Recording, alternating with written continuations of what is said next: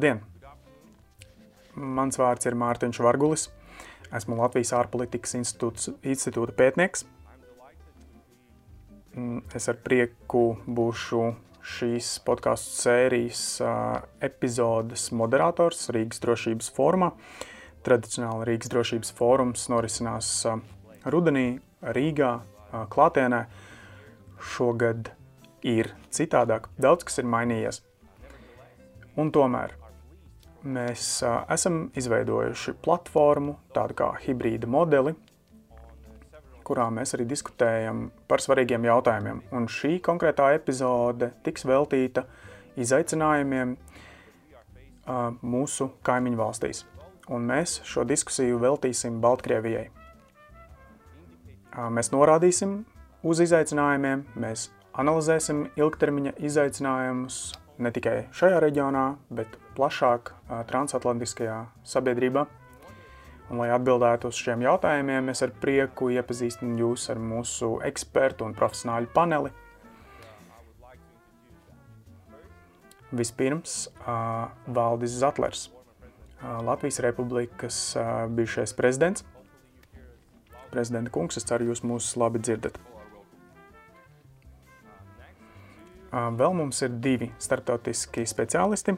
Marčins Pšidačs, kas ir valsts sekretāra vietnieks drošības jautājumos, Amerikas, Āzijas un Austrumu politikas ārlietu ministrijā jautājumos. Pšidačs kungs, man ir prieks jūs šodien ar mums kopā dzirdēt. Ja, paldies jums, man ir prieks šeit būt. Un visbeidzot mūsu draugs un sabiedrotais Arkādijs Mošas, kurš ir Eiropas Savienības austrumu kaimiņu valstu un Krievijas pētniecības programmas direktors Somijas ārpolitikas institūtā. Uh, Moša kungs, mēs priecājamies jūs šodien dzirdēt un dzirdēt jūsu domas par uh, Baltkrieviju. Uh, paldies jums, man ir prieks arī ar jums šeit būt.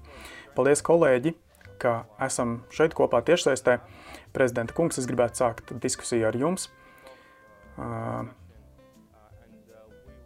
Lai uzsāktu diskusiju, mēs vispirms gribētu uzklausīt jūsu perspektīvu plašāk par to, kas notiek Baltkrievijā, par to, kāda ir iekšējā perspektīva, kas ir izraisījis notikumus Baltkrievijā, kā jūs to nolasāt, kā jūs uzskatāt, ko nozīmē Baltkrievijas vasara un rudens. Tas ir ļoti labs jautājums, un uz to nav viegli atbildēt. Svarīgākais šeit ir, kas Baltkrievija ir šodien. Iepriekš, kad diskutējām par Baltkrieviju, daži no mums apgalvoja, kā Lukašenko izdzīvos kā līderis. Bet jautājums jau ir, cik ilgi? Un mēs redzam arī, kā tuvojas ziema. Tas nozīmē, ka protesti apsīkst, jo ielās tā tad ir vienkārši augstāks un ir jāmaina taktika. Taktika ir jāmaina, citādāk turpināsies uh, situācija, kāda tā ir bijusi, kas ir par labu Lukašenko. Un viņš tātad turpinās tāpat vadīt valsti kā iepriekš ar savu varas pozīciju, pieaugot neapmierinātībai. Un tas, ko mēs redzam, pēdējās dienās, piemēram, arī Berlīnē spēka pielietojums. Lūk, to tad Lukašenko var arī izmantot, sakot, lūk, kas notiek arī demokrātiskā valstī. Bet tas, ko es redzu pamatā, kādas ir izmaiņas, ir tātad, ka opozīcija maina savu taktiku. Tas man ir bijis pārsteigums, ka, ka līderi tiek notvērti, viņi tiek sisti un mocīti un, un, un ieslodzīti, bet uh, rodas aizvien jauni līderi, un tas, ir, uh, tas parāda uz šo cilvēku apzinātību. Tas nozīmē, ar katru nedēļu viņu, viņi iemācās, kā organizēties, kā komunicēt, kā mainīt taktiku.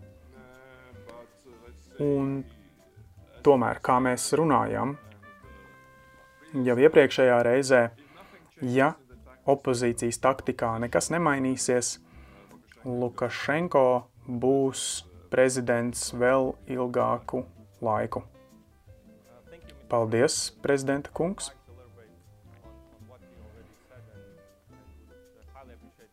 Un tagad es došu vārdu Pšidaču kungam. Pšidača kungs, kā jūs uzskatāt, ko mēs pieredzam Baltkrievijā, vai mēs novērojam ko tādu, kas pilnībā izmainīs to, kā attīstās Baltkrievija vispār? Pirmkārt, liels paldies par to, ka, uh, par to, ka mums tad ir diskusija par tik uh, svarīgu tematu, un arī prezidenta kungs, kungs ir uh, mūsu uh, ekspertu panelī. Uh, tiešām arī novērtēju to ļoti augstu, ka Latvija iesaistās diskusijās, jo mēs arī esam kaimiņu valstis Baltkrievijai, un es ļoti cieši sekoju notikumiem valstī. Es teiktu, būsim realistiski. Pavisam noteikti Lukašenko, Lukašenko kungs uh, nogaida. V, viņš tad jautājums ir par to, vai būs vēl vairāk vēršanās pret opozīciju, vai vēl vairāk vardarbības, vai vēl vairāk būs uh, upuru, vai tas būs diktators, kurš mēģinās noturēt savu varu līdz beigām, un Maskava un Maskava pa, turpinās pastiprināt viņa uh, pašpārliecību. No otras puses, mēs arī no sabiedrības, no Baltkrievijas sabiedrības redzam, no visas nācijas mēs redzam, ka viņi tā tad ir, nu, tātad viņi reaģē uz to, un, un šobrīd Lukašenko var, protams, aizliegt cilvēkiem piedalīties demonstrācijās un aiz bailēm par savu veselību, patiesībā arī par dzīvību. Viņi var arī tad ne, nedoties, nedoties protestos. Un tomēr es uzskatu, ka tā ir īslaicīga viņa uzvara, ja tā būs, ja viņš iebiedēs. Es uzskatu, ka sabiedrība galu galā uzvarēs. Un es piekrītu prezidenta kungam, ka agri vai vēlu – Baltkrievijā notiks pārmaiņas, jo brutālāks Lukašenko ir, jo īsāks ir šis laiks, kas nepieciešams, lai viņu nomainītu.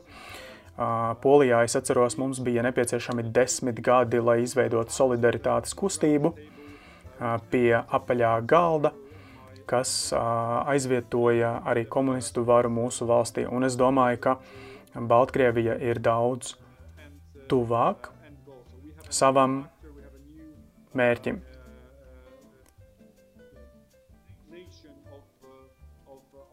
Mēs pieredzam jaunu Baltkrievijas nāciju, nā, Baltkrievijas nācijas veidošanos, un vienīgais jautājums ir, kā un kad Krievija, vai cik ilgi Krievija atbil, atbalstīs Lukašenko režīmu, jo es domāju, ka tas ir viņiem arī dārgi izmaksā. Tas ir tā kā Lukašenko pret Baltkrievijas nāciju, un Krievija maksā, protams, ka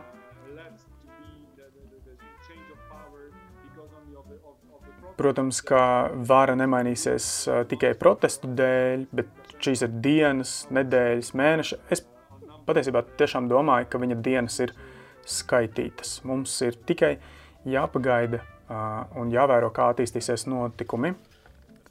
Un tagad pie Mošķasa kunga, ņemot vērā jau pateikto, kā jūs nolasāt situāciju, vai jūs ticat, ka mēs pieredzam Lukašenko ēras beigas, vai tas ir jautājums tikai tad laika jautājums tagad, vai jūs ticat, ka viņš spēs kontrolēt varas vertikāli un režīmu un uh, stabilizēs un uh, tātad arī uzveiks protestus.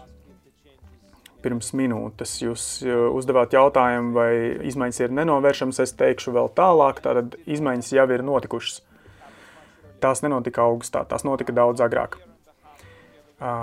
Pusotru gadu atpakaļ mēs lasījām arī Baltkrievijas paradoksu laikrakstu, Tas bija kā, šodienas valsts pret uh, pagātnes prezidentu. Uh, šodien tā ir sabiedrība, kas uh, ir modernizēta ļoti ātri, un, un, un, un šajā valstī valda uh, arhaisks prezidents, kas nesaprot šos procesus, kas nav pielāgojies ekonomikai. Tas uh, pārrāvums ir tik liels, ka izvirdums bija nenovēršams. Es neparedzēju, ka tas notiks pēc šīm vēlēšanām, Taču tas notika, un notika skaidru un acīm redzamu kļūmju dēļ, ko ir pieļāvis viss režīms vēlēšanu laikā. Nu, tas ir noticis agrāk nekā vēlāk, bet es arī piekrītu runātājiem, ka strateģiski mēs jau esam, mēs jau dodamies risinājumu virzienā, bet tomēr Lukašenko ir kā, satricināts savā pozīcijā starp 10. un 25. augustu, tas aptuveni notika, bet pēc tam viņš parādīja, ka viņš var noturēties, pastāvēt un turpināt cīņu. Ir svarīgi arī vēl saprast, ka režīms var uh, kļūdīties, bet šobrīd es viņu pusē neredzu paniku. Viņi, protams, rīkojas um, pretrunā ar saviem mērķiem, bet uh, ir jāskatās, kā varas vertikāle seko norādījumiem. Un Krievija patiesi ir ļoti svarīgs spēlētājs šajā jautājumā, un te es pat teiktu, ka ne ekonomika ir tik svarīga, bet gan vēstījums varas vertikālei vēstījums, ka mēs stāvēsim aiz Lukašenko, un jums spēku struktūrām nav citas izejas, jo mēs strādāsim tieši ar Lukašenko un nevienu citu. Un mēs varam vēl arī atgriezties pie tā, bet es būšu skeptisks par to, ka par to, ko izlemj Krievija vai gatavo kādu aizstājēju Lukašenko, vai arī kā tas viss izspēlēsies. Pēc konstitūcijas maiņas. Tas viss var notikt, bet galvenais jautājums Krievijai ir, vai, vai kā viņi izrāda savu atbalstu Lukašenko diplomātiski, ekonomiski un iespējams pat ar spēku struktūru nodrošināšanu viņam. Varbūt, nu, varbūt pat Lukašenko tas nepatīk, bet Krievijas režīms izvēlās viņu. Viņi iespējas turpināt šo spēli kādu noteiktu laiku, Tas tā tad arī ir tas svarīgais jautājums. Ja vien protestētāja taktika izmainās un protestētāji izstrādā to, ka viņi tātad saprot, par ko viņi vispār cīnās, nevis pret ko viņi cīnās, un arī, protams, ja izmainīsies kaut kāda uzvedība norises uh, ielās. Mošasa kungs, paldies! Un es uzreiz tad arī gribu pajautāt jums, uzreiz tātad šīs spekulācijas, protams, ir par visdažādākajiem scenārijiem, daudz no tiem ir pilnīgi neticami, bet tik un tā, kā jūs prognozētu nākamo gadu, nākamos dažus gadus, divus gadus varbūt, kas ir galvenie elementi, kas varētu izmainīties Baltkrievijā vienā vai citā veidā? Nu jā, prognozēt, protams, kā ir sarežģīti viena ļoti svarīga lieta, kas mums ir jānovēro, ir ekonomika. Situācija Baltkrievijas ekonomikā ļoti ātri pasliktinās, un Krievijas vēlme nosekt šo atšķirību, piemēram, dot Lukašenko finansējumu tādu, kādu viņš vēlas, nu, viņos tādas Attiecīgi, Krievija neizrāda tādu vēlmi. Ekonomisku iemeslu dēļ tāda destabilizācija ir diezgan nopietna iespēja, un vispār tas process ir, varētu ļoti ātri attīstīties. Otrā lieta ir šī opozīcija, vai viņi nāks klajā ar to, ko viņi vēlas panākt. Šobrīd ļoti pārliecinoši viņi neskan jo opozīcijas dažādi pārstāvji, kas šobrīd atrodas dažādās Eiropas pilsētās, nu, viņi, protams, nav viens otram pretrunā, bet viņi noteikti rada tādu iespaidu, kādu nu, varbūt vajadzētu būt pārliecinošākiem. Tas nav, tā nav pozīcija, kāda patīk cilvēkiem. Un uh, trešais ir Eiropas Savienība. Un rietumi vairāk, bet mēs arī vēlāk pieskarsimies vairāk Eiropas Savienībai. Eiropas Savienībai ir jāvienojas. Uh, tas, tās darbības, kuras, uh, kā reaģēja Eiropas Savienība, tas viss bija ļoti pareizi, bet man šķiet, ka tas bija ārkārtīgi nokavēti. Ja visi šie trīs faktori attīstās tādā veidā, kas palīdz protestētājiem, tad, protams, attīstās viss ātrāk. Bet nu, man, man, mana prognoze ir tāda, ka vēl divi, trīs gadi režīmam ir, uh, līdz tas kritīs, ja, ja tas vispār kritīs. Uh, tagad pie Pšideča kunga. Uh, tad kā jums šķiet, kādu varas nodošanas modeli mēs redzēsim, vai Lukašenko paliek pie varas, vai sistēma pilnīgi tiek izmainīta, kā Baltkrievija attīstīsies nākotnē. Šobrīd mēs nezinām, kāds būs scenārijs. Mēs nezinām, cik ilgi Krievija, kurai starp citu ir atslēga šajā situācijā, mēs nezinām, ko viņi darīs, bet nu, mēs nevaram būt priecīgi par notikumiem Baltkrievijā, jo atcerēsimies arī to, ka Baltkrievijas sabiedrība ir prokrieviska lielākoties. Un tagad, tagad visi jautā tātad, kāpēc viņi tā atbalsta Kremli. Nu tad, un atkal Kremlis savukārt atbalsta režīmu, un režīms mūs piekauj uz ielas. Tad Kremlis atbalsta mūs ekonomiski, ne tikai politiski, un, un vispār būtu jāatcerās, kā mēs arī runājām, ka politiskā krīze vispār ir mm, ekonomisku iemeslu izraisīta. Daudzi cilvēki protestēja pret sociālo ekonomisko, mm, sociālo ekonomiskā stāvokļa pasliktināšanos. Tādēļ es teiktu, ka atslēga šajā gadījumā visas situācijas risinājumam ir Krievijā. Bet to starp ļoti svarīgu lomu spēlē arī tieši kaimiņu valstis no rietumiem, jo mēs esam aicinājuši Lukašenko kungu diskutēt, jeb sēsties pie pārunu galda ne tikai ar mums, bet arī ar opozīcijas līderiem Viļņā, Varšavā, kā arī tiem, kas atrodas Baltkrievijā. Mūsuprāt, dialogs ir vienīgais, pareizais risinājums, no krī, kā iziet no krīzes. Izmaiņas konstitūcijā, kuras uh, paredz uh, autoritārais uh, režīms, nu, šķietami, protams, tas nāk no Krievijas, tās visas ietver, nu, no cilvēku viedokļa tas nemainīs neko. Man šķiet, ka cilvēki ir pietiekami pieauguši, lai šajā diskusijā arī piedalītos. Jo ātrāk vadītāji Minskā sapratīs, jo labāk viņiem būs.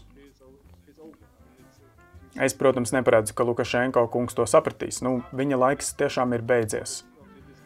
Tam tas vispār nav jautājums. Nākotnes kontekstā. Cilvēki Baltkrievijā vienkārši nepieņem viņu. Un Polija, Latvija, Lietuva, citas Eiropas valstis mums – būtu arī jāturpina izdarīt spiediens uz Mīnsku, uz Maskavu, sākt dialogu, domāt par nākotni šajā valstī. Jo, jo citādāk, nu, kāds tad ir scenārijs tuvākajiem mēnešiem, un es pie, piekrītu partneriem diskusijā, Lukašenko kungs it kā pārdod savas valsts brīvības noteikts komponents tikai tāpēc, lai saglabātu savu vietu, savu pozīciju. Viņš atdod drošību, ekonomiku tikai, tikai tāpēc, lai paliktu pie varas. Un, manuprāt, tā ir bīstama situācija Baltkrievijas neatkarībai. Un mēs kā kaimiņu valstis īpaši, un es domāju, ka mēs tiešām ļoti strik, stingri vēršamies un vēlamies brīvu un spēcīgu Baltkrieviju, kas ir mūsu partneris. Šī dialoga rezultātā mums ir svarīgi, lai tā būtu neatkarīga valsts. Un mēs ļoti ceram, ka notiks arī dialogs starp valsts vadītājiem un sabiedrību. Paldies! Un tagad, tagad, tagad es gribētu tātad parunāt par šo lielo ziloni telpā, nu, par Krieviju. Ko tad, ko tad vispār rēķina, kādus gājienus Putins un tuvākajos mēnešos, varbūt pat gados prezidenta kungs? Eiropas Savienībai interesē Baltkrievija kā demokrātiska valsts, kā daļa no Eiropas. Un Krievijai ir pilnīgi pretējas intereses. Viņi grib ļoti tuvu Baltkrieviju vai pat integrētu Baltkrieviju, un tieši tāpēc arī piemērotie instrumenti ir atšķirīgi. Krievijai interesē militāra, politiska apvienība, ekonomiska savienība ar Baltkrieviju, un Krievija redz, ka Baltkrievijā ir krīze. Viens no krīzes risināšanas, uh, viena no metodēm ir uh, iegūt laiku, un iegūstot laiku, Krievija var piemērot dažādas pasākumus, lai pavirzītu Baltkrieviju sev tuvāk. Ja mēs runājam par militāru aneksiju, es domāju, ka tuvākajā nākotnē tā nav iespēja, bet vispār tā ir iespēja, ja lietas, piemēram, kā Karabahas konfliktā, attīstās ļoti slikti. Tas tātad šī tātad ir, kā Krīmas gadījumā, tātad vert, varas vertikālas pakāpeniska pakāpnis uzgrupu, uzbrukums un spiediens uz varas vertikāli. Nu, man šķiet, ka vispār tas varbūt ir tikai minējums, bet man vispār šķiet, ka tas jau tagad notiek, šis spiediens uz uh, Baltkrievijas varu, un man arī šķiet, ka uh, Lukašenko pārdod šobrīd savu neatkarību. Uh, Baltkrievijas integrācija tuvāk Krievijai šobrīd arī notiek. Ko darīt? Redziet, vienīgais šķērslis pret šo taktiku iegūt laiku ir tas, ka ekonomika pasliktinās. Jo ilgāk ilgst laiks, jo sliktāk ekonomikai. Baltkrievijai ir jāsaprot, ka jebkurā scenārijā, vai nu tas ir status quo, vai nu viņi uh, integrējas ar Krieviju, vai nu viņi iesaistīsies, uh, viņi būs neatkarīgi un ekonomiski spēcīgi. Tas tik un tā ir smags, process, kas ietekmēs katru ģimeni Baltkrievijā, un tur būs savi upuri.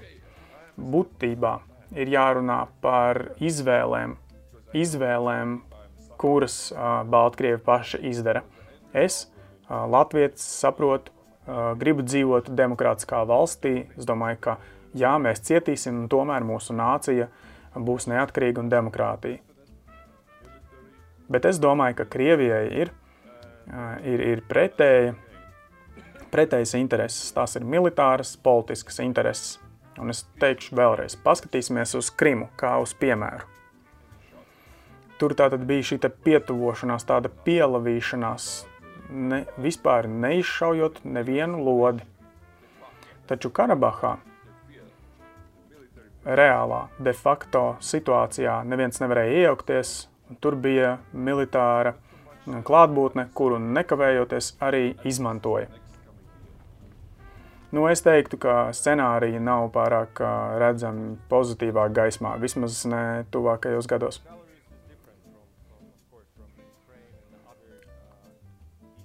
Mošasa kungs, kā jums šķiet, kāda ir atšķirība starp Ukrainu vai citām kaimiņu valstīm? Vai, vai vispār tātad Baltkrievijai ir iespēja iesaldēt šo konfliktu ar, ar, ar protestiem? Kā jūs domājat? Es nedomāju, ka te būs iesaldēts konflikts. Būs izēja. Labāka, sliktāka, bet Baltkrievijā netiks iesaldēts šis konflikts. Tas brīd, tas moments, kas mums ir jāapspriež, ir, kādā veidā rietumi un Eiropa var palīdzēt. Jo, jo dodot palīdzību bez kaut kādām prasībām pretī, tas, vien, tas nekad neizdodas. Mums patiešām ir jāsaprot, ka sankcijas, sankcijām ir ilgtermiņa efekts. Tās nekavējoties nedos nekādus rezultātus. Mēnesis mēnes šā laikā vai divi vai trīs. Tas tā nebūs. Lai, lai uh, kaut ko izmainītu īstermiņā, mums ir jāatrod cits uh, rīks. Pol, Krievijas politiskā elite, viņi uztver to citādāk. Jā, Mošas kungs, eh, tad eh, tomēr pie jums, vai jūs piekrītat prezidenta kungam? Jā, es arī domāju, ka konflikts netiks iesaldēts. Es domāju, ka situācija ir pilnīgi citādāka. Protesti nav ģeopolitiska rakstura, un tos nav iespējams pārdot Krievijā kā pretkrieviskus. Un tas būtu tas priekšnosacījums, kā varētu uh, vairāk uh, pielietot spēku. Bet, ja drīkst, es, es tiešām gribētu atgriezties arī pie Krievijas jautājuma, jo man šķiet, ka man ir ko teikt, un tas varētu nebūt tas, ko mēs esam dzirdējuši tradicionāli. Es domāju, ka Kremlis, Kremlim ir problēmas ar Baltkrievijas politiku. Izvēloties uh, Lukašenko, kā spēlētāju, kurš atjaunos uh, un izveidos no jauna savas attiecības ar savu nāciju, tas ir izgāzies tas plāns.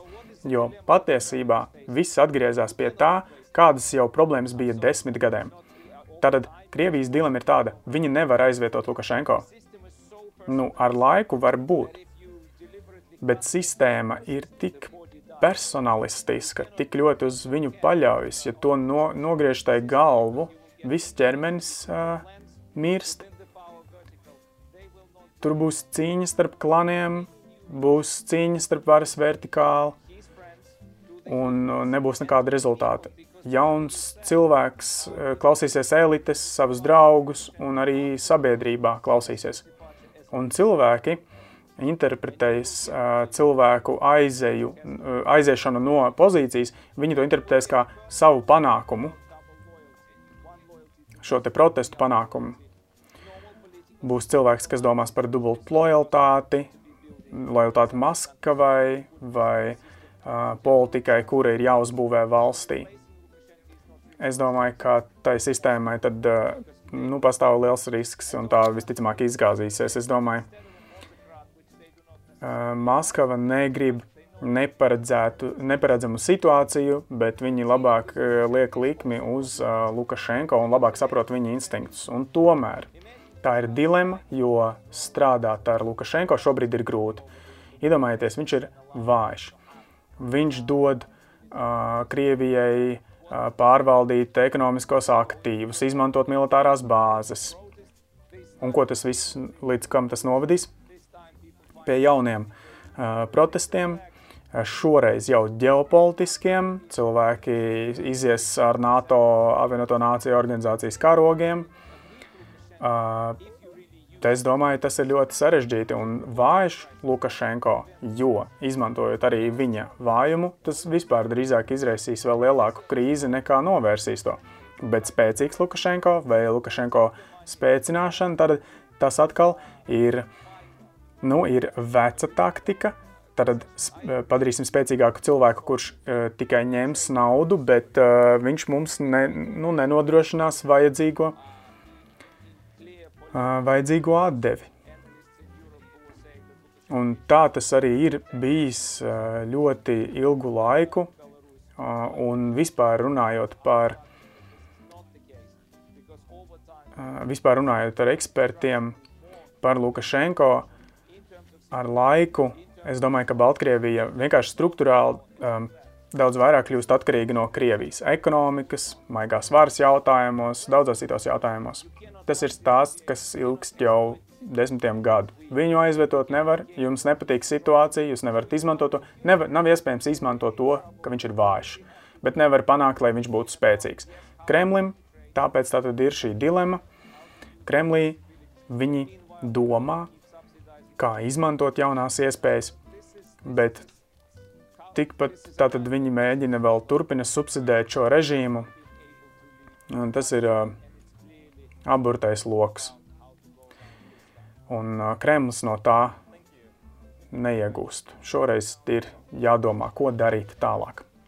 Šidača kungs, uh, nu, ņemot vērā, ka Krievija spēlē šo te lomu Baltkrievijā no jūsu viedokļa, no jūsu valsts viedokļa, kā tas vispār ietekmē attiecības starp Krieviju un Poliju, varbūt uh, plašākā kontekstā, uh, Krievija un Rietumi, varbūt šajā virzienā kādas ir attiecības. Attiecības uh, starp Krieviju un Rietumiem, nu, tās ir sarežģītas. Mūsu valstis, mūsu sabiedrības ir pilnīgi citādākas, tām ir atšķirīgas vērtības, tām ir atšķirīgi pamati, uz kurām tās ir izveidotas. Un mūs interesē dažādi mērķi, ko mēs gribam panākt, ekonomiskās sadarbības mērķi ir atšķirīgi. Tie ir arī pretrunā, mm, it īpaši runājot tātad, jo vienai no pusēm, kā Krievijai, ir šī militārie, dra, militārie draudi no viņa puses, tad tā ir pilnīga nesapratne savā starpā, starp rietumiem un uh, Krieviju, Es domāju, ka konkrētā situācija Baltkrievijā būs vēl viens zvaniņš uh, rietumiem par to, kas tad ir īstie Krievijas mērķi. Un tas būtu no jauna uzbūvēt padomju arhitektūru. Un tas ir tas, ko Putins pats deklarēja pirms vairākiem gadiem, ka ģeopolitiskā lielākā, traģē, lielākā ģeopolitiskā traģēdija 20. gadsimtā bija Padomju Savienības sabrukums. Viņš cenšas Maskavas pozīcijas uh, stiprināt un izveidot tās tik spēcīgas, kādas tās bija pagājušajā gadsimtā, un man šķiet, ka Eiropa pilnīgi nav ieinteresēta šādā scenārijā. Mums ir partnerības programmas, mēs Mēs gribam, lai mūsu sadarbība pēc padomi valstīs arī būtu spēcīgāka, un arī sabiedrības šajās valstīs nekādā gadījumā negrib būt pozīcijā, kad pār tām dominē Krievija. Un austrumu partnerības valsts tātad visās ir, kā mēs vienojāmies, tātad iesaldētie konflikti. Baltkrievija bija pēdējā stabilā valsts un atkal jārunā par to tāpēc, ka tur cilvēki grib dzīvot citādākā valstī. Nu, viņi grib, lai šo valsti pārvalda kādi citi cilvēki. Un tāpēc tā vienošanās starp rietumiem un Krieviju, nu, tad, tad eh, tās atrisinājums jau vispār ir uh, meklējums tajā atšķirīgajā DNS, kāds mums ir. Mums ir jāpaturprātā, ka dialogs ar Krieviju ir nepieciešams, kā risināt dažādas problēmas. Tas pie tā ir jāstrādā, bet e Eiropas Savienība ir lielākais uh, tajā partneris. Krievijai ir nepieciešama labāka sadarbība ar Eiropas Savienību. ES ir tirgus, ES ir nauda, lai arī kā notiks šāds dialogs, tas noteikti balstīsies uz mūsu noteikumiem, uz mūsu, mūsu pieciem principiem, bet tas nebūs kā a la carte restorānā, kur mums nav izvēles un kur mēs izvēlēsimies nerunāt par cilvēktiesībām un mūsu vērtībām jo mēs zinām pēc Navalnija gadījuma, kas tur notiek ar cilvēktiesību pārkāpumiem. Un mums ir arī jauns faktors. Mums ir uh, ASV prezidents jauns janvārī, kas arī izmainīs uh, transatlantisk, uh, transatlantisko sadarbību un attiecības ar Krieviju. Bet,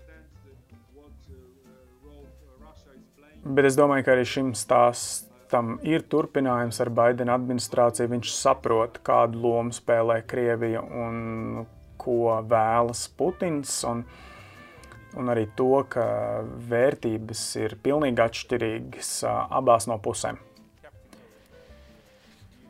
Mošas kungs, jūs jau runājāt par ES pozīciju un bijāt skeptisks par to, ka mums bija jābūt vienotiem pozīcijā pret, uh,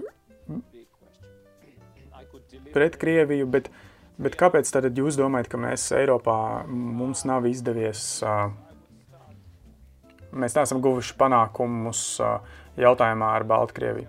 Nu, vispār tā būtu trīs stundu lekcija ja es tagad pastāstītu visu, ko es zinu, kā man šķiet. Neatgriezīsimies vēsturē, kas ir noticis 90. un 2000. gados, bet es vairāk koncentrēšos uz situāciju tagad. Sākot no 2014. gada, es esmu vienmēr teicis, ka tā ir bijusi kļūda atjaunot attiecības ar Lukašenko ar Lukašenko nosacījumiem. Lukašenko nebija jābūt nekādu ilūziju. Eiropas Savienībai nebija nekādas ilūzijas par to, ka šis režīms mainīsies. Tas viss beidzās jau 2006. gadā, 2010. gadā. Brutāls represijas, kuras tolaik notika pret protestētājiem. Cerību nebija nekādu, ka šoreiz būs citādāk. Nu, tas ir kā Einsteins reiz teica, ka šizofrēnijas viena no pazīmēm būtu darīt vienu un to pašu lietu un sagaidīt citu atšķirīgu rezultātu. Ļaujot Lukašenko darīt to, ko viņš savā iekšpolitikā arī darīja, visu, ko viņš vēlējās. 2017. gadā sociāla ekonomisko protestu laikā pilnīgi tāda pati brutalitāte. Un, ja, ja es pat atceros, Mogherini izteica toreiz bažas, bet tā vispār nebija tāda reakcija, ko sagaidīja cilvēki. Ja es tagad būtu Eiropas Savienība, pirmkārt, es paskatītos, kas ir noticis pēdējos sešos gados un publiski atzītu, ka ir izdarītas kļūdas, kā atjaunot attiecības ar Lukašenko, ar viņa noteikumiem, vienkārši iesaistot šo vēlmju domāšanu. Tā vispār bija pilnīga kļūda. Un tā bija kļūda, kas ir tieši maksājusi Eiropas Savienībai veselu pro-eiropeisku sabiedrību vai lielu tās daļu, kāda tā bija pirms tam. Protestētāji, protestētāji vēl iepriekš tātad gāja ar Eiropas karogiem, tagad ir pilnīgi atšķirīgi. Varbūt ir kādi cilvēki, kuri ir atbildīgi par šīs politikas veidošanu, varbūt viņiem vispār vajadzētu aiziet tagad no saviem amatiem. Es, protams, neesmu politiķis, neesmu uh, birokrāts, un es tāpēc varu atļauties tā teikt. Tas tiešām, mm, tam tiešām būtu ietekme. Ja tie cilvēki atzītu, ka mēs, ka mēs cerējām, ka šīs, nu mēs kļūdījāmies, ka mēs ticējām pasakām, es domāju, ka šiem cilvēkiem būtu vienkārši jāatzīst savu politiskā, tad, politiskā atbildība jāuzņemās. Ģeopolitiski mēs Eiropas Savienībā esam izgāzuši to. Un otrkārt, Eiropas Savienība vienkārši nedara pietiekoši daudz. Tas vispār nav pieņemami kāpēc cilvēki tika ielikti sarakstos ar sankcijām, bet tagad mums ir 50 cilvēki, un mēs runājam par to, ka mums vajadzētu to režīmu vēl joprojām diskutēt. Nu, tātad, ka iepriekš šie cilvēki, iepriekš bija sankciju saraksti, bet tagad to nav. Es vispār neredzu skaidrību tajā. Un vispār nesaprotu, vai ir atsaukti, piemēram, vēstnieki. Vai vēstnieki vispār ir aizbraukuši, vai viņi ir parādījuši, parādījuši solidaritāti protestētājiem, vai arī viņi vienkārši klusām pazuduši. De facto vispār nekas nav mainījies. Tieši tāpēc es saku, ka Eiropas Savienība nemaz nedara pietiekami daudz.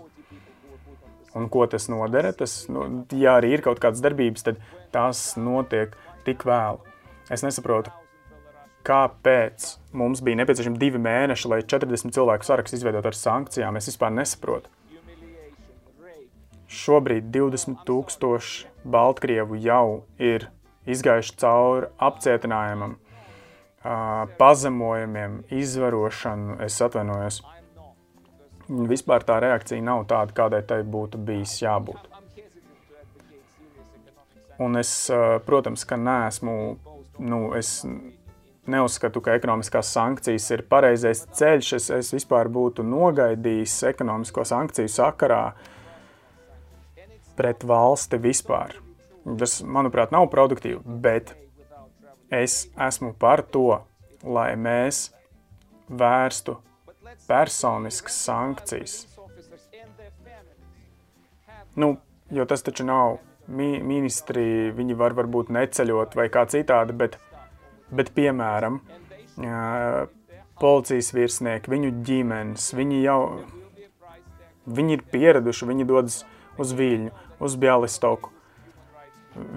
Viņi tur ceļo, un tad, un tad viņu un viņu ģimenēm ir jāsaprot, ka ja viņi turpinās tā uzvesties un darīt savas darbības, tad tas viņi vairs nevarēs ceļot. Protams, ka, protams, ka tas arī neatbilst cilvēku tiesībām, jo tikai uh, cilvēktiesība eksperti norāda uz to, ka tikai atbildīgā persona ir uh, pakļaujama sankcijām, bet tik un tā. Es uzskatu, ka ir cilvēki, kas, kurām ir konkrētas uh, funkcijas uh, organizācijās, pret viņām ir jāvērš masīvas sankcijas. Baltkrievijā viņiem ir tādi saraksti un aizdomas par noteiktiem cilvēkiem, un ne tikai aizdomas, bet arī pierādījumi. Es, es domāju, ka pēc katra mītiņa šiem sarakstiem vienkārši ir jābūt jāpaplašinās, un es tam redzu rezultātu. Paldies par ļoti realistisku un pragmatisku pieeju tam, kā jūs pastāstījāt, kas notiek, par to, ko Eiropas Savienība nedarīja attiecībā uz Baltkrieviju prezidenta kungs, pieņemot šādu realistisko skatījumu un problēmas, ko jau esam identificējuši, skatoties nākotnē, ko Eiropas Savienībai vajadzētu darīt. Baltkrievijas jautājumā? Nu, es gan teikšu, ka sankcijas ir tāda ilgtermiņa instruments, līdz ar to es um, neesmu to piekritējis. Es domāju, ka mums ir jā, jāizdara kaut kāds, uh, uh, jāparāda pozīcija, kura tad kaut ko mainīt īstermiņā. Mēs runājam par austrumu partnerību, un tas viss ir bijis ļoti sarežģīti, jo mēs cenšamies tātad piedāvāt kaut ko, kam pretējā pusē nebija pieprasījuma. Mums ir jāsaprot, ka AS, Eiropas Savienības durvis ir vaļā, vienmēr vaļā Baltkrievijai, bet, bet uh, Krievijas puses uzdevums ir tās durvis mūs aizvērt. Starp citu robežas ir ciet. Bet uh, mums ir jāpēta, kādas vajadzības būs Baltkrievijas sabiedrībai tuvākajā nākotnē. Jo es piekrītu, ka viena no kļūdām būs šī novēlotā atbilde. Jo, ja sabiedrība Baltkrievijā lūdz kaut ko šodien, tad tas ir jāizpilda šodien. Rīt jau būs par vēlu. Un tas ir tāda nevalstisko organizāciju darbs, dažādu organizāciju izveidošana. Mums ir, mums ir jāpalīdz tiem cilvēkiem, kas uh, bēg uz mūsu valsti, vai pārvietojas, vai paliek šeit. Tas ir jādara, tas ir jāizglīto, ekonomiskā palīdzība arī tā ir jāvērš jau nākamajā dienā. Problēma ar demokrātiskām valstīm, it īpaši ar Eiropas Savienību, ir tas, ka cilvēki trešajā pasaulē viņi savu diktatoru lēmumus nesaprot. Viņiem ir nepieciešams kaut kāds laiks, vai arī jāsaprot, kā kā tad, piemēram, mēs, mums ir jābūt gataviem, jāgatavo sevi jebkurām izmaiņām, pat vismazākajām, kuras norisināsies, notiks Baltkrievijā tuvākajā nākotnē. Un es pilnīgi piekrītu, jā, ka drošības struktūru, policiju, amatpersonas virsnieki, tas viņi noteikti, un tas ir vienkārši izdarāms, bet viņi ir jāieliek tādos kā melnajos sarakstos, protams. Nu, jā, tā tad aktīva rīcība, šī būtu viena no tām, un es, un es uzsveršu tikai to, ka mums ir jārēģē uz pieprasījumu nekavējoties. Šideča kungs. Jums es uzdošu piedē, pēdējo jautājumu. Ko Baltijas valsts un Polija, kas šīm valstīm būtu jādara?